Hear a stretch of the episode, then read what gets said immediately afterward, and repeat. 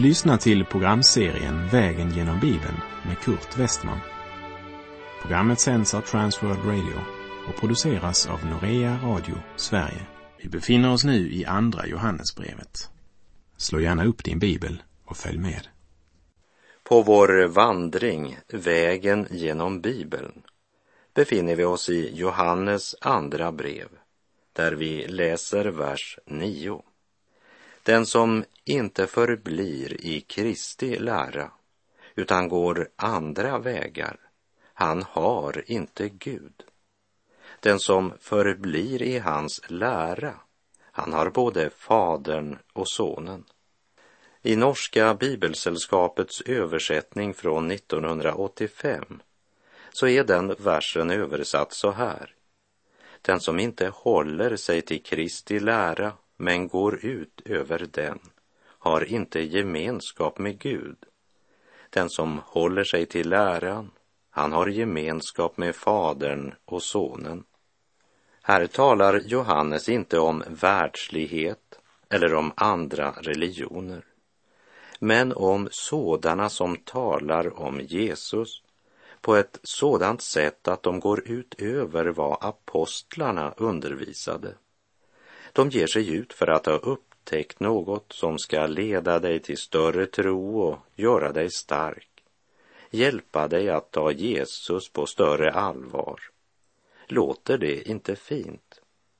Och i sitt andra brev till församlingen i Korint säger Paulus i kapitel 11 att de uppträder som Kristi apostlar. Och det är inget att förvåna sig över. Satan själv gör sig lik en ljusets ängel. Därför är det inte underligt att också hans tjänare uppträder som tjänare åt rättfärdigheten. Det handlar alltså om sådana som hävdar att deras förkunnelse är den verkligt bibelska förkunnelsen, den verkliga trons förkunnelse. Och de vinner lätt gehör för det är toner som tilltalar köttet eftersom människan står i centrum. Men den läran för inte till några verkliga framsteg i tron, säger Johannes. Tvärtom, under andligt sken lockas du in i en väg där du inte längre har gemenskap med Gud. När det du önskar uppleva blir viktigare än vilken makt som står bakom upplevelsen, då har du i verkligheten förlorat kontakten med Gud. När du tar så långa steg att du hamnar före Gud har du blivit bedragen av dina begär. Och då är det inte Guds ord och den helige Ande som leder din utveckling, men köttet som under andligt sken har bedragit dig. Och det finns en hel del sådana förkunnare idag som tycker sig själva ha något som många av oss andra saknar.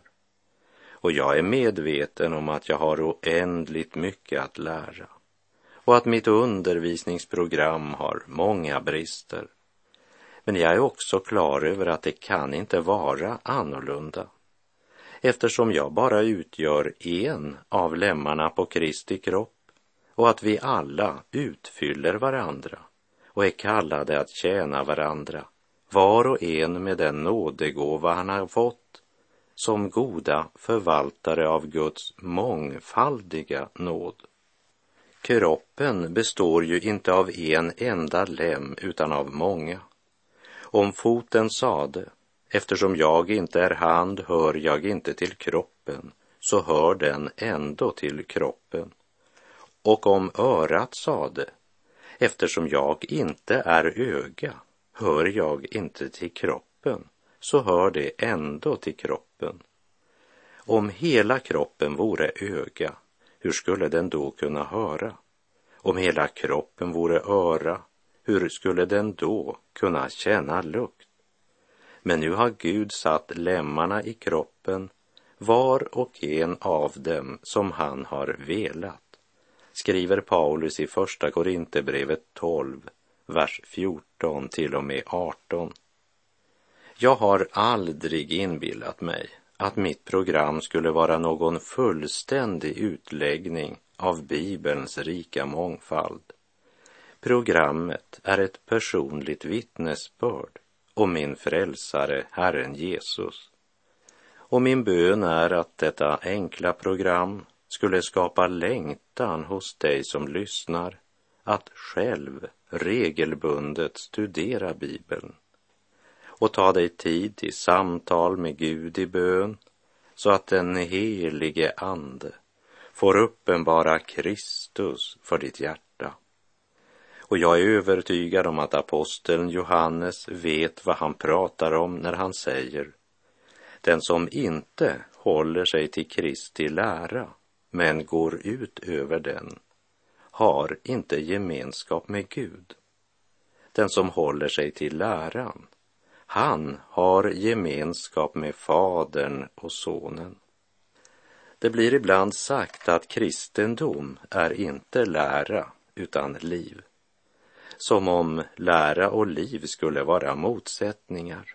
Men sanningen är den att kristendom är lära och liv. Därför skriver Paulus bland annat så här till sin unga medarbetare Timoteus i Andra Timoteusbrevets fjärde kapitel, vers 3.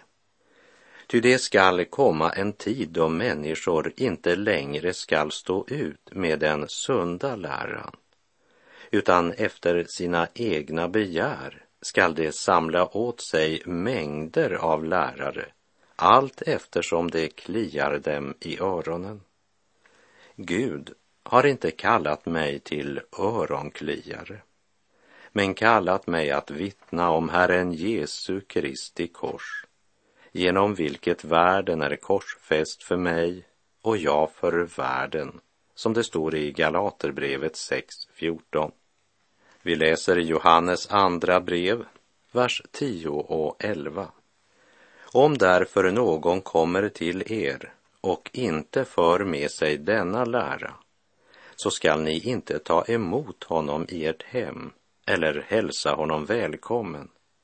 Den som välkomnar en sådan gör sig medskyldig till hans onda gärningar. Ett mycket kraftigt uttalande. Johannes talar i klarspråk och jag tror att det är viktigt att komma ihåg att han som säger detta är den man som kallas för kärlekens apostel. Men den gudomliga kärleken är inte undfallande när det gäller villolärare och vältaliga öronkliare. Och han ger klar besked hur vi ska förhålla oss till dem som inte håller sig till den sunda läran. Vi ska inte ta emot en sådan i vårt hem, säger Guds ord. Vi ska inte hälsa honom välkommen. Han ska inte få sprida sin smitta, varken i vårt hem eller i församlingen. Johannes säger att om vi är undfallande mot den som inte håller sig till den sunda läran, så gör vi oss medskyldiga till hans onda gärningar. Och så avslutar Johannes brevet med orden Fastän jag har mycket att säga er vill jag inte göra det med papper och bläck. Jag hoppas istället kunna komma till er och tala direkt med er så att vår glädje kan bli fullkomlig. Din utvalda systers barn hälsar till dig.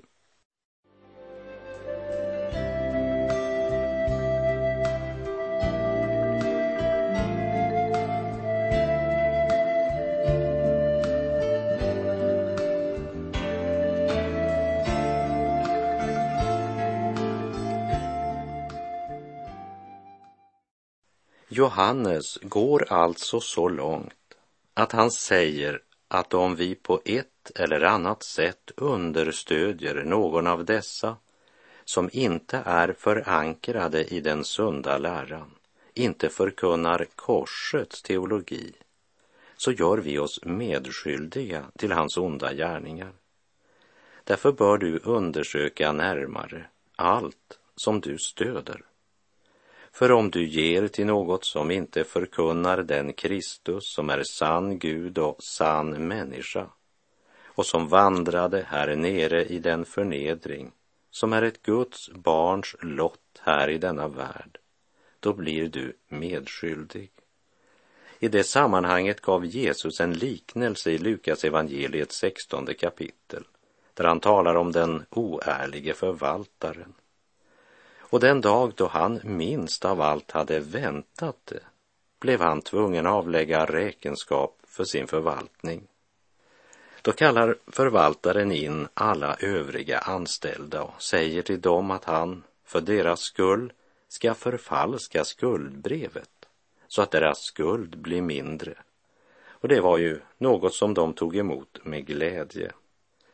Jesus berömmer honom inte för den orätt han gör, men han säger att denna världens barn handlar klokare mot sitt släkte än ljusets barn. För han gjorde detta för att vinna sig vänner som kunde hjälpa honom och ta emot honom när han blev avsatt från sin ställning som förvaltare. Kristus rättfärdigar inte hans svek. Men han säger att han använde de resurser han hade på bästa möjliga sätt med tanke på att han endast levde för det som denna värld kan erbjuda. Han hade inte någon syn för något annat än det jordiska, men han använde sina resurser på ett klokt sätt. Men du då? Du som har fått del i all den himmelska världens andliga välsignelse. Hur använder du dina resurser? Låter du dig lockas av personlig utstrålning och fantastiska berättelser? lockas av sådana som under sken av att förkunna Guds ord sätter människan i centrum och som appellerar till dig genom att lova dig att du ska få framgång och slippa svårigheter. Låter du dig lockas av några tårdrypande historier? Vad vet du om deras förvaltning? Johannes begrundar sin stränga och mycket hårda linje med ett argument som verkligen väger tungt. Du blir partner med den som du stöder. Du blir delaktig i deras gärningar. Guds barn ska inte vara öppna för allt, utan pröva allt, säger Guds ord. Fast än jag har mycket att säga er vill jag inte göra det med papper och bläck. Jag hoppas istället kunna komma till er och tala direkt med er så att vår glädje kan bli fullkomlig. Även om Johannes nu är gammal så hoppas han ändå kunna göra ett personligt besök i denna församling eller detta hem för att tala direkt till dem. När man får ett brev kan man inte diskutera och samtala med den som sänt det. Men när man möts ansikte till ansikte kan man ha ett mera djupgående samtal. Det vill säga, Johannes vill ge dem chans att ifrågasätta det han har sagt. Han säger inte, jag är apostel. Om ni ifrågasätter mitt budskap ifrågasätter ni Gud. Han är inte församlingens herre. Han är församlingens tjänare. Och han vet vilken välsignelse som ligger i det troendes nära gemenskap. Därför vill han så gärna besöka dem. Och han säger inte, så att ni kan få höra om allt vad jag har att säga. Men han vet att när han möter sina trossyskon så blir både de och han själv välsignade. Därför säger han inte så att er glädje kan bli fullkomlig, men så vår glädje kan bli fullkomlig. Johannes föredrar det personliga samtalet framför att skriva ett brev. Men eftersom budskapet var viktigt och han inte hade möjlighet att komma med en gång så skriver han detta brev för att de ska vara klara över att många bedragare har gått ut i världen och att kärleken är att vi lever efter Herrens bud. Tron på Gud är mer än ord. Nåd, barmhärtighet och frid från Gud, Fadern och från Jesus Kristus, Faderns son, vare med oss i sanning och kärlek.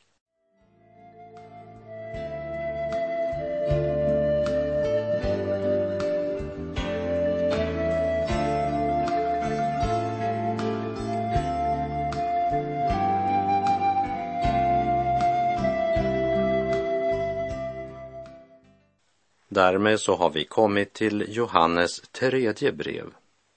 I sitt första brev fokuserade Johannes på Guds familj och den kärlek som bör råda i det troendes gemenskap. Ja, han sa rakt ut att om vi inte älskar våra trossyskon så tillhör vi inte Guds familj. I sitt andra brev varnar han mycket starkt för sådana som ger sig ut för att vara Guds sändebud men som sprider villfarelse. Och han säger att bedragarna är många, inte bara en och annan. Och Johannes säger inte att vi ska älska dessa villolärare, utan istället klart ta avstånd från dem. För den som tar emot dem i sina hem eller församlingar blir delaktiga i deras onda gärningar. Därför ska vi ta reda på vad det är vi stöder. När vi nu kommer till det tredje brevet så upptäcker vi vissa likheter mellan det andra och det tredje brevet. Brevet är av högst personlig karaktär och det är fortfarande sanningen som är brevskrivarens tema. Kärlekens apostel säger att allt måste underordnas sanningen. Kommer kärleken och sanningen i konflikt kan kärleken inte överleva på sanningens bekostnad, för då dör båda. Så kärlek betyder inte att se mellan fingrarna. Samtidigt så skiljer sig det tredje brevet från det förra brevet genom att han så starkt påminner om att sanningen är värd att arbeta för. Kampen för sanningen är aldrig förgäves om det är kärleken som är drivkraften. Och att arbeta i kärlek är aldrig förgäves om kärleken har sina rötter i sanningen. Vi älskar dem för sanningens skull, som Johannes sa i början av sitt andra brev. Brevet är adresserat till Gaius, men eftersom det var ett ganska vanligt romerskt namn och skriften inte ger oss någon mer information om honom, så vet vi inte något mera om denne person än vad som framgår av detta brev. Men han var uppenbart en som hade gjort en stor insats för att ta vara på och hjälpa de kringresande missionärerna på denna tid, bland annat genom att utrusta dem för deras fortsatta färd. Vi läser Johannes tredje brev, vers 1 till och med 4. Från den gamle till hans älskade Gaius, som jag älskar i sanningen. Älskade broder, jag hoppas att det går väl för dig i allt och att du är frisk, liksom det står väl till med din själ. Jag blev mycket glad när bröderna kom och vittnade om den sanning som finns hos dig, hur du lever i sanningen. Ingenting gläder mig mer än att höra att mina barn lever i sanningen. Brevet riktar sig till en bestämd person och Johannes hoppas att det ska stå lika bra till med hans kroppsliga hälsa som med hans andliga. Och det säger oss att ett rikt och rätt andligt liv är inte någon garanti mot sjukdom. Johannes visste att Gaius levde ett rikt andligt liv. Gaius levde i sanningen. Men Johannes visste inte hur det stod till med hans hälsa. Men han hoppas att den kroppsliga hälsan var lika god som hans andliga hälsa. Vi läser vers 5 och 6 älskade broder, du visar dig trofast i allt vad du gör för bröderna, också för dem som är främlingar. Inför församlingen har de vittnat om din kärlek och du gör väl när du på ett sätt som är Gud värdigt utrustar dem för deras fortsatta färd. Det är tydligt att Gaius, enligt vad Johannes säger i vers 4, har kommit till tro genom Johannes verksamhet. Han säger, ingenting gläder mig mer än att höra att mina barn lever i sanningen. Gaius var uppenbart ett av Johannes andliga barn. Och hans gärningar vittnade om att han levde i sanningen. Han hade inte bara lyssnat till sanningen, men han praktiserar denna sanning i vardagen.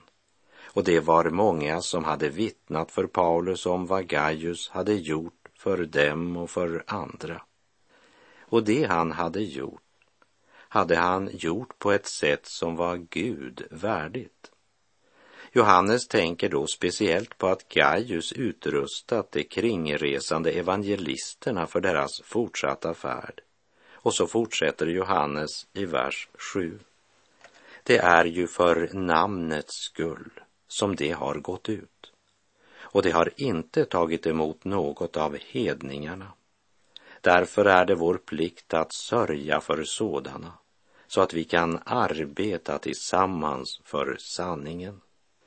Här vill jag du speciellt ska lägga märke till orden. Det har inte tagit emot något av hedningarna. Johannes nämner två orsaker till varför det var det troendes plikt att utrusta dessa Herrens tjänare med vad de behövde. Först och främst därför att det var för Jesu namns skull som de hade gått ut i denna tjänst. Och för det andra därför att de i denna sin tjänst inte tagit emot något av hedningarna. Kanske är det något vi borde meditera över lite grann i våra olika verksamheter idag. Vad betyder det? Vilken konsekvens bör det få för arbetet i vår församling? Tredje orsaken till att vi ska utrusta dessa Herrens tjänare med det de behöver är för att vi tillsammans ska kunna arbeta för sanningen. För vi är ett med det vi stöder. Så talar Johannes om en församlingsarbetare vars motiv är att få vara den främste. Vi läser Johannes tredje brev, vers 9 till och med 11. Jag har skrivit till församlingen, men Diotrefes, som älskar att vara den främste bland dem, vill inte ha med oss att göra. Om jag kommer skall jag därför påminna honom om vad han gör hur han sprider elakt förtal om oss. Och han nöjer sig inte med det, utan vägrar dessutom att ta emot bröderna. Och när andra vill göra det hindrar han dem och driver ut dem ur församlingen.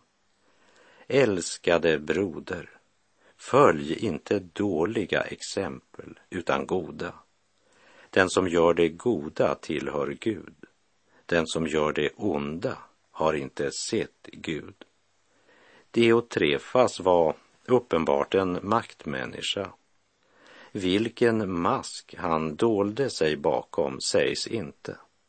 Men han ville i alla fall inte ha något att göra med aposteln Johannes. Diotrefas har tydligen utnämnt sig själv till en slags diktatorställning i församlingen så det är svårt för Johannes att göra sin stämma hörd där. Det sörjde Diotrefas för. Därefter nämner Johannes en annan person i församlingen, en som har ett gott vittnesbörd av alla, vers 12 till och med 15. Demetrius har ett gott vittnesbörd av alla, ja, av sanningen själv. Också vi kan intyga det och du vet att vårt vittnesbörd är sant. Jag hade mycket mer att säga dig, men jag vill inte göra det med bläck och penna. Jag hoppas snart få träffa dig och då får vi talas vid direkt. Frid vare med dig. Vännerna hälsar till dig. Hälsa till vännerna, var och en personligen. Ordet vännerna är mycket sällan använt i Nya testamentet. Det var inte alla i församlingen som ville motta en hälsning från aposteln Johannes. Men ändå fanns det fler än Gaius och Demetrius som ännu var mottagliga för Johannes undervisning och de skulle Gaius hälsa personligen. Med det så är vår tid ute för den här gången. Och vi avslutar det här programmet med Johannes ord i vers 4. Ingenting gläder mig mer än att höra att mina barn lever i sanningen. Herren vare med dig. Må hans välsignelse vila över dig. Gud är god. Jag blev kallad en dag och en väg så smal. För mig var den okänd och så. Fruktan grep mig fatt och jag trodde att jag ensam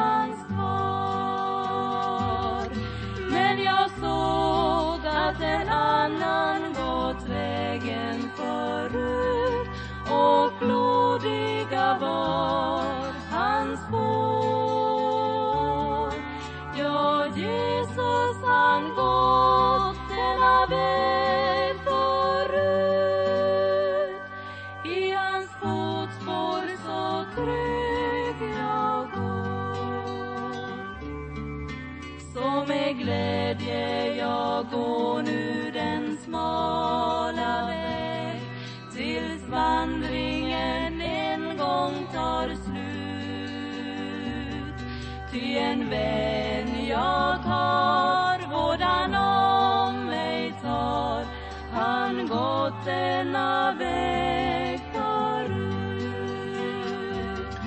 Men jag såg att en annan gått vägen förut och blodiga var hans spår.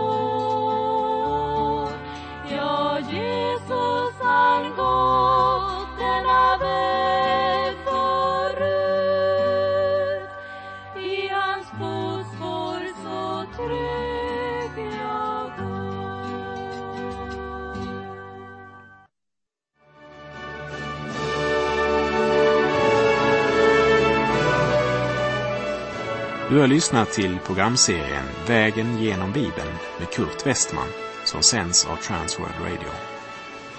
Programserien är producerad av Norea Radio Sverige.